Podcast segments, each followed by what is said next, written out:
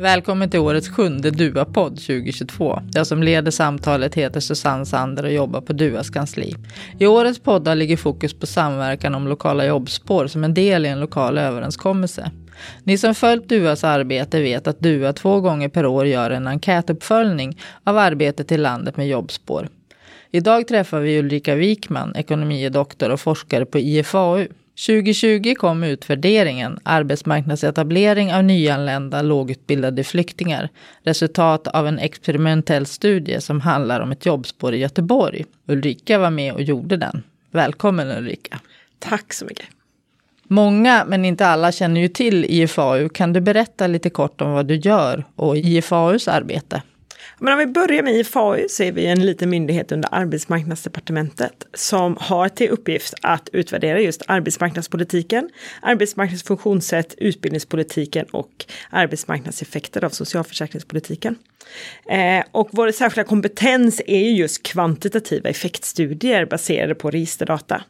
Men vi får väldigt sällan, men ibland får vi uppdrag från regeringen. Men de flesta projekt som vi har är egeninitierade, där vi inom våra områden ser frågor som vi tycker är intressanta att studera och då titta på dem. Mm. Själv så är jag då disputerad i nationalekonomi och jag jobbar framförallt med effektutvärderingar utav kommunala insatser. Spännande, det ska du få berätta mer om alldeles strax. Men jag tänker vi ska börja med att reda ut vad som är skillnaden på en utvärdering och en uppföljning. Ja, men I en uppföljning så tittar man ju ofta på hur gick det? Eh, och det kan ju bland annat handla om att efter en arbetsmarknadsinsats, hur många är det som har sysselsättning? Hur många är det som har gått i studier? Men ett problem om man bara efter en insats vill följa upp hur det gick för deltagarna är ju att för att få liksom snyggare siffror så tar man de som står närmast arbetsmarknaden och därmed sådana som kanske hade hittat jobb själva utan att gå den här arbetsmarknadsinsatsen. Om man tar en utvärdering istället så det jag då försöker i min forskning är att jag vill liksom titta på vad hade hänt jämfört med om man inte hade gått den här insatsen. Eh, och det är väl där min liksom utmaning kommer för att en individ kan ju inte både gå i en insats och inte gå i en insats. Så att jag försöker då hitta individer jag kan jämföra med som inte gick insatsen men på andra sätt är lika. Så det är då en utvärdering, att vi ser vad som hade hänt annars. Eh, och jag vill verkligen poängtera att uppföljningar är ju inte ointressanta. Till exempel så vet vi från uppföljningar att för nyanlända invandrare så tar det väldigt lång tid att komma in på svensk arbetsmarknad. Eh, och då är det inte så intressant att veta en utvärdering av det, för det finns ju ingenting att jämföra med. Men det gör ju också att det är en grupp vi vet att vi kan studera insatser för. Och forskningen har ju också visat att oftast just insatser för nyanlända invandrare kan verkligen hjälpa dem närmare arbetsmarknaden. Och där kan vi se större effekter än för sådana, när vi utvärderar insatser som riktar sig till svenska arbetslösa. Mm. Hur kom den här utvärderingen till just om eh, arbetsmarknadsetablering av nyanlända lågutbildade flyktingar? Men jag hade ett annat projekt tillsammans med en kollega, Mats Dahlberg, som också varit och då med och skrivit den här utvärderingen som vi pratar om idag, eh, i Göteborg. Och så fick vi höra talas om att kommunen då tänkte dra igång den här insatsen tillsammans med det lokala bostadskoncernen AB Framtiden. Och som vi förstod det så var det en på Arbvux i Göteborg som hade börjat prata med en av cheferna på eh, AB Framtiden och där de såg liksom efter den stora flyktingvågen att äh, men, det är jättemånga utav så här, bland de lågutbildade som hade gått igenom etableringen. På Arbetsförmedlingen så var det väldigt många som sen behövde ekonomiskt bistånd. Och då var kommunen så här, men kan vi inte göra någonting för de här? Och AB Framtiden såg samtidigt att men vi har svårt att rekrytera i vår bransch. Så visst, vi borde ju kunna göra någonting med den här, eh, för den här målgruppen och rusta dem för att jobba i vår bransch. Så att de, detta hörde vi talas om och de hade varit i kontakt med Arbetsförmedlingen då för att se, kan vi göra någonting under etableringstiden och inte behöva vänta till efter. Vi tog då kontakt med analysavdelningen på Arbetsförmedlingen och sa att det här låter som en väldigt intressant insats och de hade ett ganska tydligt upplägg vad det här då jobbspåret skulle innehålla. Men det var ju ganska få deltagare så för att kunna följa upp och utvärdera detta så behövde det till en så kallad randomisering, helt enkelt att vi hittade, genom lottning hade eh, jämförbara grupper, några som fick erbjudande om insatsen och några som inte fick erbjudande. Och både Arbetsförmedlingen centralt och lokalt och kommunen var väldigt positiva till att vi skulle följa upp och utvärdera detta.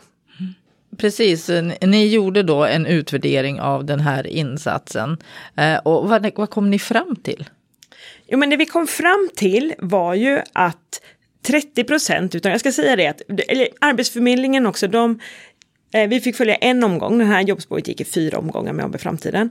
Och Arbetsförmedlingen, den hösten, den andra omgången skulle dra igång, eller den våren, då tittade de i sina register vilka var det som tillhörde målgruppen som kommunen ville jobba med, vilket då var liksom lågutbildade in, tidigt i etableringen. Och då hittade de 140 individer.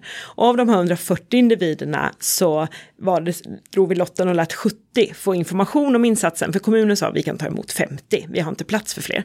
Eh, och då var det utav de här 70 var det sen 44 som tackade ja. Eh, och det vi tittade då när vi jämförde de 70 som fick erbjudande med de som inte fick erbjudande var att 30 eh, procent av de som hade fått erbjudande efter insatsen var sysselsatta. Och då definierade vi den här rapporten sysselsatta som att man framförallt hade ett nystartsjobb. Eftersom hela gruppen är liksom berättigad till den subventionen. Och bland de som inte fick det här erbjudandet så var sysselsättningen istället mellan 10 och 20 procent. Så det vi såg var ju verkligen en fördubbling. Markant högre. En markant högre. Så, så att i procentenheter så är vi liksom 15 procentenheter och så stora effekter ser vi sällan när vi utvärderar arbetsmarknadsinsatser. Sen försökte ni också titta lite grann på vad som var orsaken till resultaten, alltså vad som hade bidragit till mm. den här effekten.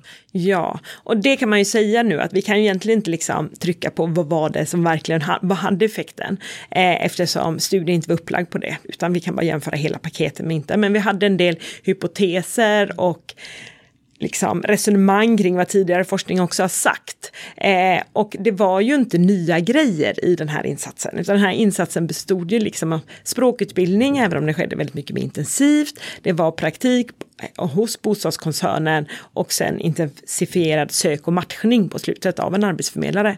Men det vi kunde se var, dels så var det det att det skedde väldigt mycket mer intensivt. Det var inte bara 15 timmar SFI i början av etableringen, utan man hade liksom tydliga delar och de liksom hakade i varandra. Men sen tror vi också en bidragande orsak var just att bostadskoncernen hade varit med och utvecklat den här insatsen. För det bostadskoncernen gjorde eller kommunen hade liksom i början av insatserna, det här, när utbildningen pågick, så hade man ambitionen att det skulle vara heltid. Men det är väldigt svårt att läsa språk på heltid när man ska lära sig ett nytt språk. Så det man fyllde på med var kurser som bostadskoncernen bedömde att det här är viktigt att ha med sig om man ska jobba inom vår bransch. Och då handlade det om IT-introduktion, matteintroduktion, service och bemötande. Sen var inte målet att alla skulle börja jobba i bostadskoncernen utan de hade ju tänkt att de här skulle köra det här under flera år och ha flera hundra deltagare och då insåg de att men alla de här kan vi inte anställa. Så redan från början var de inte, nej men de här ska inte jobba hos oss utan men vi kan förmedla kontakter med underleverantörer och sådär. Så att de hade identifierat en bransch där det behövdes arbetskraft och arbetskraft som inte var någon högutbildade. Och så liksom rustade man dem för att jobba där. Och så kunde också deltagarna då få eh, referenser från bostadskoncernen.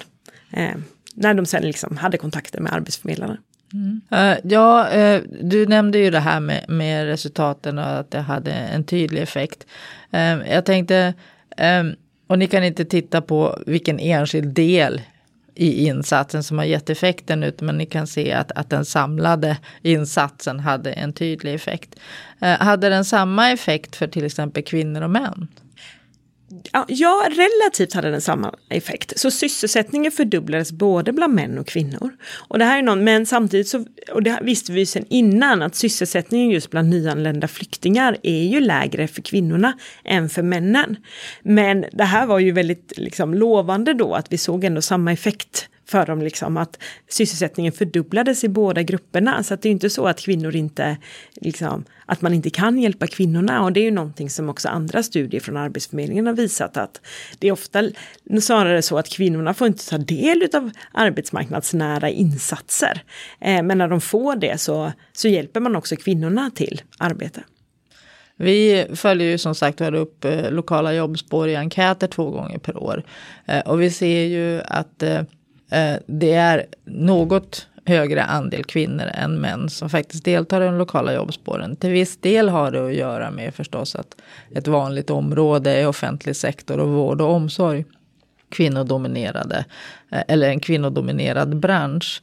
Eh, även om man där faktiskt när vi tittar Eftersom vi frågar efter kön så ser vi att män faktiskt är något överrepresenterade om man jämför med reguljär utbildning på samma område. Så det är ju positivt. Men, så det kan ju vara en bidragande mm. orsak till att fler kvinnor än män finns med i lokala jobbspår. Men där ser vi också att Många går också till studier efter jobbspåret, men ni tittade inte på det. Vi har inte tittat på det än. Det är någonting vi har tänkt att vi ska titta på. Utan nu var det på den, det vi hade, vi hade lite uppgifter från kommunen. Men, men på den här korta uppföljningshorisonten så såg vi inte att det var särskilt många som hade gått till studier. Mm. Eh, och det kan jag väl dra paralleller från andra, när jag pratar med kollegor på IFAU som utvärderar andra program, när det ibland är uppsatt att målet ska vara att man ska gå till arbete eller studier, så är det väldigt sällan som folk går till studier, tyvärr ska vi ju säga, för att det är ju att särskilt när man är lågutbildad så kan ju då studier i Sverige vara en, en väldigt god möjlighet att sen komma ut på arbetsmarknaden. Hur lång var den här insatsen? Den här insatsen var ungefär 10-11 månader. 9-10 kanske till och med ska man säga. Det är lite när man räknar från att vi lottade eller från att insatsen. Mm. Så när ni gjorde utvärderingen, hur långa tidshorisonter tittade ni så då på? Vi tittade totalt två år efter att vi hade lottat, så, eh, drygt år efter att de hade liksom gått in i insatsen. Mm. Eller ja. slutat insatsen med det. Eh, och som du sa så, så, var det huvudsakligen subventionerade anställningar som man då har rätt till ja. eh, som nyanländ. Mm. Eh, vi ser ju i våra uppföljningar att, att hälften går till arbete eh, och av dem så går liksom hälften till subventionerat och mm. hälften till osubventionerat. Eh, nu är ju det här större massa människor och mer heterogen grupp. Alltså i Göteborg i det här jobbspåret så var det ju just kortutbildade nyanlända verkligen. Ja. Så att det är mm. en, en väldigt mm. specifik grupp man har använt medför, gör det det lättare att utvärdera om det är en sån specifik grupp? På det sättet gör det ju att den är liksom mer enhetlig. När vi utvärderar arbetsmarknadsinsatser så är det ju alltid jättemycket saker som påverkar. Eh, det kan vara svårt att jämföra med olika delar i landet för att arbetsmarknaden ser ut. Det kan vara svårt att jämföra som olika utbildningar. På det sättet blev det ju lättare och att vi kunde i alla fall det hade ju inte med deltagarnas utbildningsnivå de resultat vi vi fann, för att den var ju samma. Eh, så på det sättet, men det är ju alltid det där i förhållande till, till vilken grupp man väljer ut. Mm. Så är det ju. Det mm. finns alltid en heterogenitet det finns i alla alltid, grupper. I alla grupper finns det alltid en heterogenitet, så är det ju absolut. Mm. I rapporten så gör ni ju bedömningen att arbetet med jobbspår har potential att skalas upp. Eh, varför gjorde ni den bedömningen? Men vi tänkte liksom som så att här, det är ju inte bara bostadskoncernen AB Framtiden i Göteborg som har behov av att anställa folk. Eller ser det behovet i sin bransch. Och att dels kan det, måste det finnas andra bostadskoncerner i andra delar av landet som ser samma behov. Då har vi liksom samma bransch. det här skulle kunna då användas i andra kommuner. Men sen måste det även, även i Göteborg och andra, måste det finnas andra branscher där man ser att det inte krävs så mycket utbildning för att man ska kunna jobba i eh, i den sektorn som man liksom letar folk helt enkelt. Och det ser man ju i Göteborg, där har de ju på, där har de ju haft betydligt fler jobbspår, eh, där de just har identifierat olika branscher där de behöver anställa. Mm. Jag tror att ni skriver i rapporten också att en av, en av skälen till att ni gör den bedömningen är just att, att man använder sig av befintliga verktyg, alltså insatser ja. som mm. finns hos kommunen eller ja, hos det, Arbetsförmedlingen. Ja, verkligen så. Så att, det är ju det, det är ju inte rocket science det här, utan det är ju faktiskt insatser som man har, som finns över hela landet och som man redan har använt. Det är bara det här, jag tror att det ligger ganska mycket i det där, just att det sker i sekvenser, att man har en plan det blir inte bara, men jag som sitter med kommunala arbetsmarknadsinsatser och har samlat in det från olika kommuner. Jag kan ju se individer som har liksom praktikplats på praktikplats på praktikplats. Och då tänker jag att då finns det liksom inte riktigt en plan i vad, vad det ska leda till. Men här när man kombinerar utbildning, praktikplats med intensifierad sök och matchningshjälp så så har man ju mer en plan med hur man ska hjälpa den här individen ut. Mm. Inte bara liksom ett, ja men praktik kan kanske vara bra. Mm. Ja, vi brukar ju, eh, du brukar ju själv lyfta fram att just att det, det är arbete, en anställning som är syftet och målet med insatsen. Att det bidrar både till motivation hos deltagarna, inte minst att, eh, att delta eh, i hela kedjan av insatser, även om en del jobbspår är ganska långa. Mm. Även om det också finns korta jobbspår. Mm. Men det kan också vara i en del jobbspår ganska mycket utbildning. Ja. Det arbetsplatsförlagda finns alltid där också. Och arbetsgivaren som är en viktig motivator. Ja. Ja. Att synliggöra att det är jag, det är den här arbetsplatsen. Mm. Um, ja, och det tror jag också, just också så här med den här gruppen som står väldigt långt från arbetsmarknaden, eller olika grupper som gör det, och behöver utbildning, att man ska nog också vara medveten om att det, det, kan vara grupper av människor som, alltså det är tufft att utbilda sig. Det kräver ganska mycket och att de då också kan behöva stöttning under tiden. Det är inte bara att ge så här, men gå den här komvuxutbildningen och släppa, utan att man behöver motiverande arbete och liksom stöd även medan utbildningen pågår. Och det tänker jag att under jobbspåren, eh, om man går ett jobbspår så får man det och man kan ha de resurserna och så. Mm. Mm.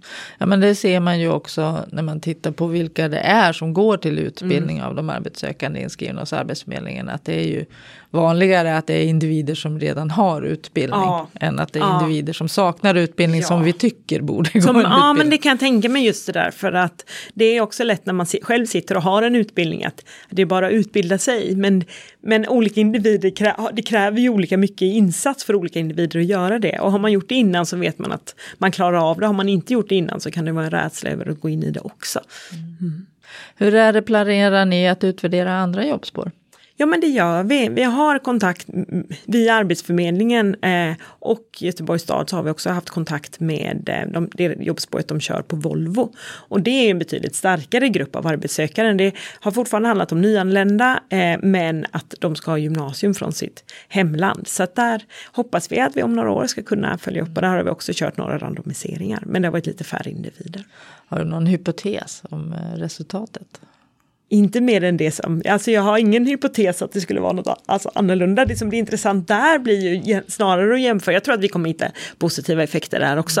Eh, men då blir det ju, man har en annan grupp, det är ett litet annat upplägg, för där handlar det ju om att de som går in i de här jobbspåren ska ju få anställning på på Volvo. Mm. Även om de som driver det på Volvo är så här, vi vill ju att våra deltagare ska lyckas. Om det är att man jobbar på Volvo eller att man går vidare till studier. Där finns ju väldigt mycket tydligare en arbetsgivare som är beredd att anställa om man, om man fullföljer studierna. För det, utmaningen där blir att då, där behöver de eh, då, där läser de gymnasium parallellt och svenskt gymnasium då för att få svenska, matte, engelska. Samhällskunskap kan det också vara, men det är några gymnasiebetyg de behöver liksom i som svenskt gymnasium och det är ju en utmaning för många.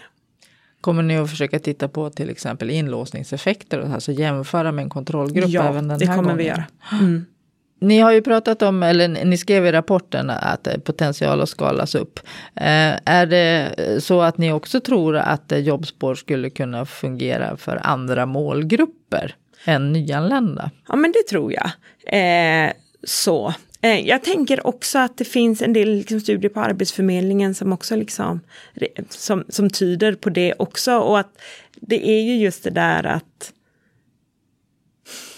jag vet inte varför det skulle vara annorlunda för nyanlända att ha. Att det, alltså, stå, har man inte kontakten och kommer in på arbetsmarknaden så spelar det ingen roll om du är nyanländ, om du är ungdom eller om du är långtidsarbetslös. Problematiken är liksom troligtvis densamma och att det handlar ju om att, att rusta individen och ge den kontakter. Mm. Och där spelar det ingen roll i övrigt vad det är som hindrar det eller vad det är som saknas utan saknas något av det där så att man inte får den där matchen mellan en arbetslös och en arbetsplats så är det så.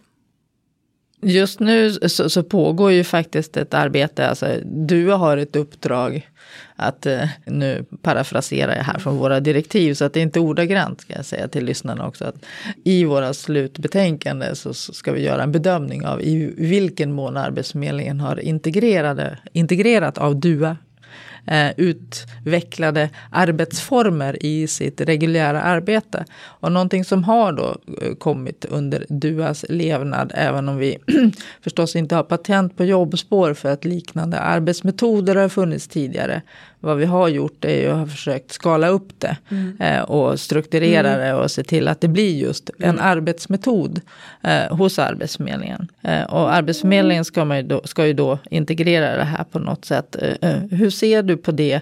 Eh, har du några råd du kan ge det arbetet? Vad ska man tänka på när man ska försöka integrera en arbetsmetod som handlar om att sätta samman kedjor av insatser egentligen? Ja men någonting handlar det om att vara tydlig med och liksom eller om vi ska följa upp det eh, och utvärdera det så blir det väldigt tydligt så här, vad, vad är det vi utvärderar? Och då handlar det väldigt mycket om dokumentation och kanske liksom men klassificering av olika, försöka gruppera insatser som är liknande och säga vad är, det, vad är det man kan tvista på, vad är det man kan skruva på, men vilka är det då vi säger är lika, vilka komponenter ska ingå?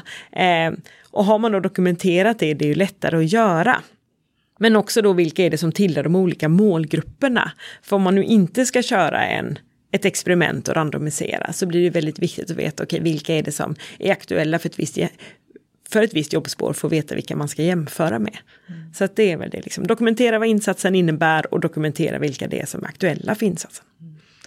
Någonting som eh, på många sätt sätter eh, hur vi tänker kring arbetsmarknadsinsatser på huvudet det är ju att jobbspåren utgår ifrån arbetsgivarens mm. kompetensförsörjningsbehov. Eh, och hur långa de blir och vilka mm. framförallt utbildningsdelar som finns mm. där. Eh, på, är ju en konsekvens av arbetsgivarens behov. Ja. Du var inne på att Volvo har högre krav ja. till exempel mm. jämfört med bostadsbolagen mm. och det eh, jobbspåret som, som riktade sig mot eh, ja, fastighetsskötsel och mm. grönytor och så mm. vidare. Så att det blir liksom olika krav på vilken kompetens man ska ha, besitta när man lämnar jobbspåret. Ja. Mm. Vilket också kan påverka vilka kompetenser man har när man går in i jobbspåret. Ja.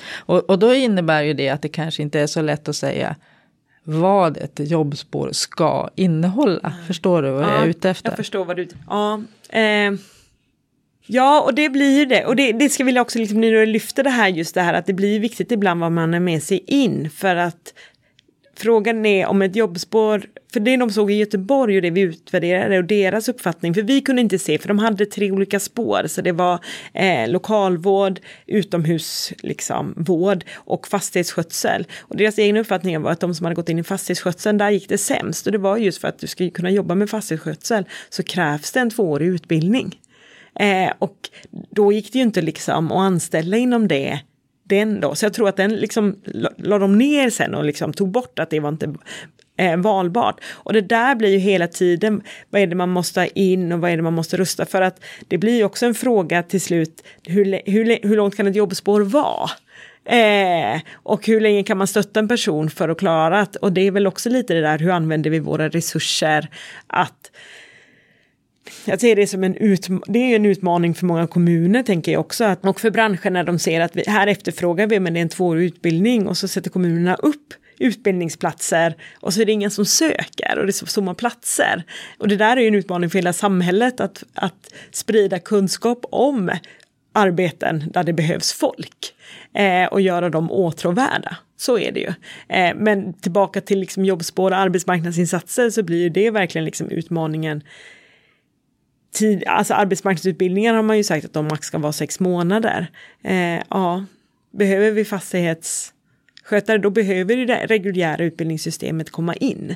Och så är det ju liksom och då är det väl så att det, det kan jag väl se på något vis också att jobbspåren kanske är lättare liksom att fokusera kring enklare jobb där inte utbildningen är liksom behöver vara nödvändigtvis lika lång. Och samtidigt vet jag när de har jobbat med, de, jag har sett vissa så här dokumentationer från Göteborgs kommun där de har just jobbat med just det att de kan liksom se att man kan komma in inom vården som kanske en liten assistent först och sen så ska man utbilda sig till undersköterska och sen kanske man kan gå vidare och utbilda sig till sjuksköterska. Så att man liksom trappar upp långsamt och låter det ta väldigt många år. Eh, men det är ju inte alla yrken där det är möjligt heller.